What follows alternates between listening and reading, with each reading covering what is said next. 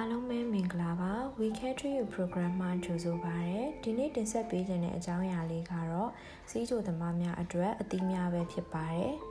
စီးချိုသမားများအနေနဲ့အယူအဆလွဲမှားနေတတ်တာလေးတစ်ခုကတော့စီးချိုရှိပြီဆိုရင်အသီးတွေမစားသင့်ဘူးတသီးတွေမှာပါဝင်တဲ့ fructose လို့ခေါ်တဲ့တခြားဓာတ်က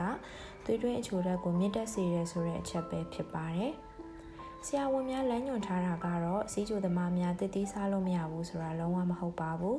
အသီးတွေမှာခန္ဓာကိုယ်အတွက်မရှိမဖြစ်လိုအပ်တဲ့ဗီတာမင်နဲ့သတ္ထုချက်တွေများစွာပါဝင်တာကြောင့်တင့်တယ်သောပမာဏစားသုံးပေးသင့်ပါတယ်သတိပြုစရာအချက်မှာ glycemic index လို့ခေါ်တဲ့သွေးတွင်းတကြားတဲ့ညွန်ကိန်းမြင့်မားသောအချို့သောအသီးများကိုသာရှောင်ရှားသင့်ပါတယ်။ ထို့အပြင်သတိထားရမည်မှာတတိများသည်မှဲ့လေတကြားတဲ့ပါဝင်မှုများလေဖြစ်သောကြောင့်စီးကြိုသမားများအနေနဲ့အမှဲ့လွန်သောအသီးများကိုတော့ရှောင်ရှားသင့်ပါတယ်။စားသုံးသောပမာဏကလည်းအရေးကြီးသောကြောင့်အသီးများကိုတင်းတင်းမြတ်တာစွာချင်းချင်းပြီးစားသင့်ပါတယ်။စီးကျိုသမားများအတွက်တင့်လျော်ပြီးမြန်မာဈေးကွက်တွင်အလွယ်တကူရရှိနိုင်သောအသီးများကတော့ strawberry သည်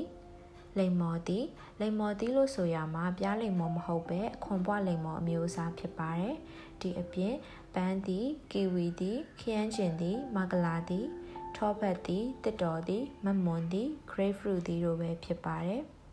glycemic index မြင့်ပြီးတော့တတိထားစားတဲ့အသီးတွေကတော့ဖရဲသည်တရက်သည်နနက်သည်ဒူးရင်သည်တို့ပဲဖြစ်ပါတယ်။ စီးကျိုသမားများတတိစားလျင်အသီးတသက်ကိုသာစားသုံးသင့်ပြီးအသီးဖြော်ရည်များနှင့်မသင့်လျော်ကြောင်းစီးကျိုဆရာဝန်များကညွှန်ကြားထားပါတယ်။အသီးဖြော်ရည်များကအရေးပုံစံဖြစ်သောကြောင့်သွေးတွင်းတကြားရက်ကိုလျင်မြန်စွာတက်စေနိုင်ပါတယ်။ဒီအပြင်ကြာရှည်ခံအောင်ပြုလုပ်ထားသောတတိချောက်များသည်လည်းတကြားရက်ပါဝင်မှုများသောကြောင့်စားသုံးရန်မသင့်ဟုအကြံပြုထားပါတယ်။အားလုံးကျေးဇူးတင်ပါတယ်။